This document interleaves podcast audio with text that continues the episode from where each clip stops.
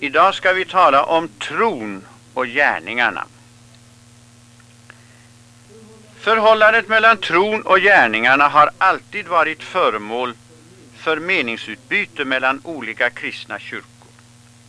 När läran om rättfärdiggörelsen genom tron alena genom Martin Luther och hans anhängare på nytt förkunnades i kyrkan kom omedelbart den invändningen att man därigenom försummade gärningarna och det kristna livet.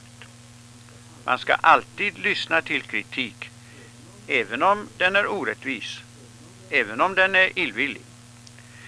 De som förkunnar rättfärdiggörelsen genom tron alena utan gärningar bör allvarligt pröva sig själva och den kyrka de tillhör om det till äventyrs är så att de verkligen försummar gärningarna och det kristna livet. I kyrkans historia har det givetvis förekommit att denna lära missbrukats så. Tron alena kan bli en huvudkudde för en kristendom utan kärlek.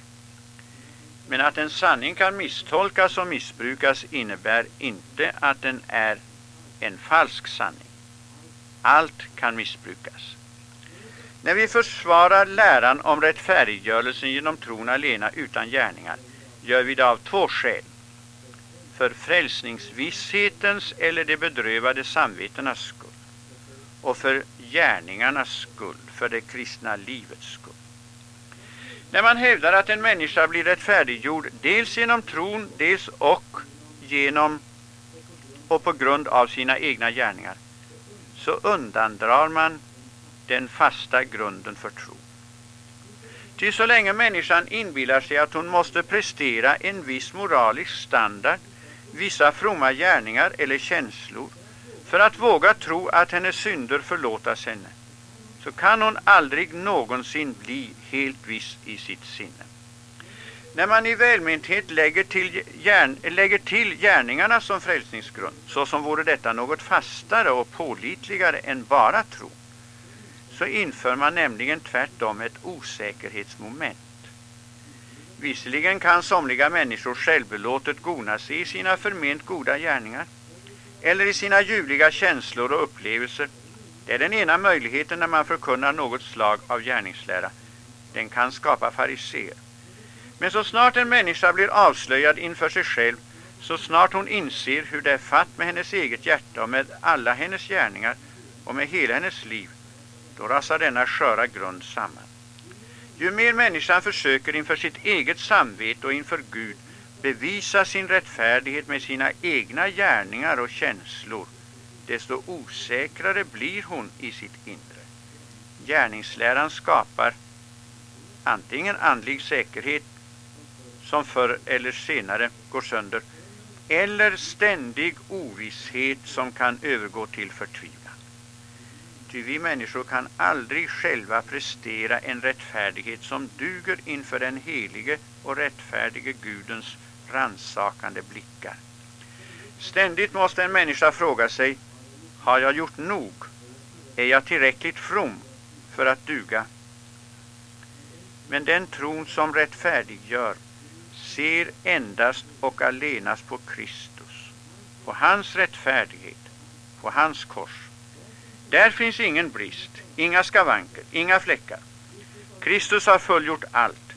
Ingenting behöver läggas till. Det är som det heter i liknelsen, kom, ty nu är allt redo, allt färdigt. Det är bara att ta emot, allt är nåd. All vår förtjänst är utestängd. Vi är i oss själva helt och hållet ovärdiga. Men Gud tillräknar oss syndare den rättfärdighet som Kristus har förvärvat. Den är de vita bröllopskläderna som ensamma ger oss värdighet att vara med i bröllopssalen. Den är de heligas rättfärdighet som de fått till skänks gratis och för intet av Jesus Kristus. Så länge vi ser på oss själva finner vi i ljuset av Guds heliga lag ingenting annat än synd och brist. Men när vi ser på Jesus och tar emot hans gåva, syndernas förlåtelse, då är allt glädje och frid, visshet och frimodighet. Hans rättfärdighet är fullkomlig. Det rätta sättet att framkalla goda gärningar hos oss människor är inte att begära av oss att vi ska lyfta oss upp till en högre nivå moraliskt och religiöst. Lika lite som vi kan lyfta oss själva vid håret upp i höjden, lika lite förmår vi lyfta oss själva in i himmelriket. Den som är död kan inte väckas till liv genom att man befaller honom att leva och verka. Den som är ond kan inte med tvång förmås att göra goda gärningar.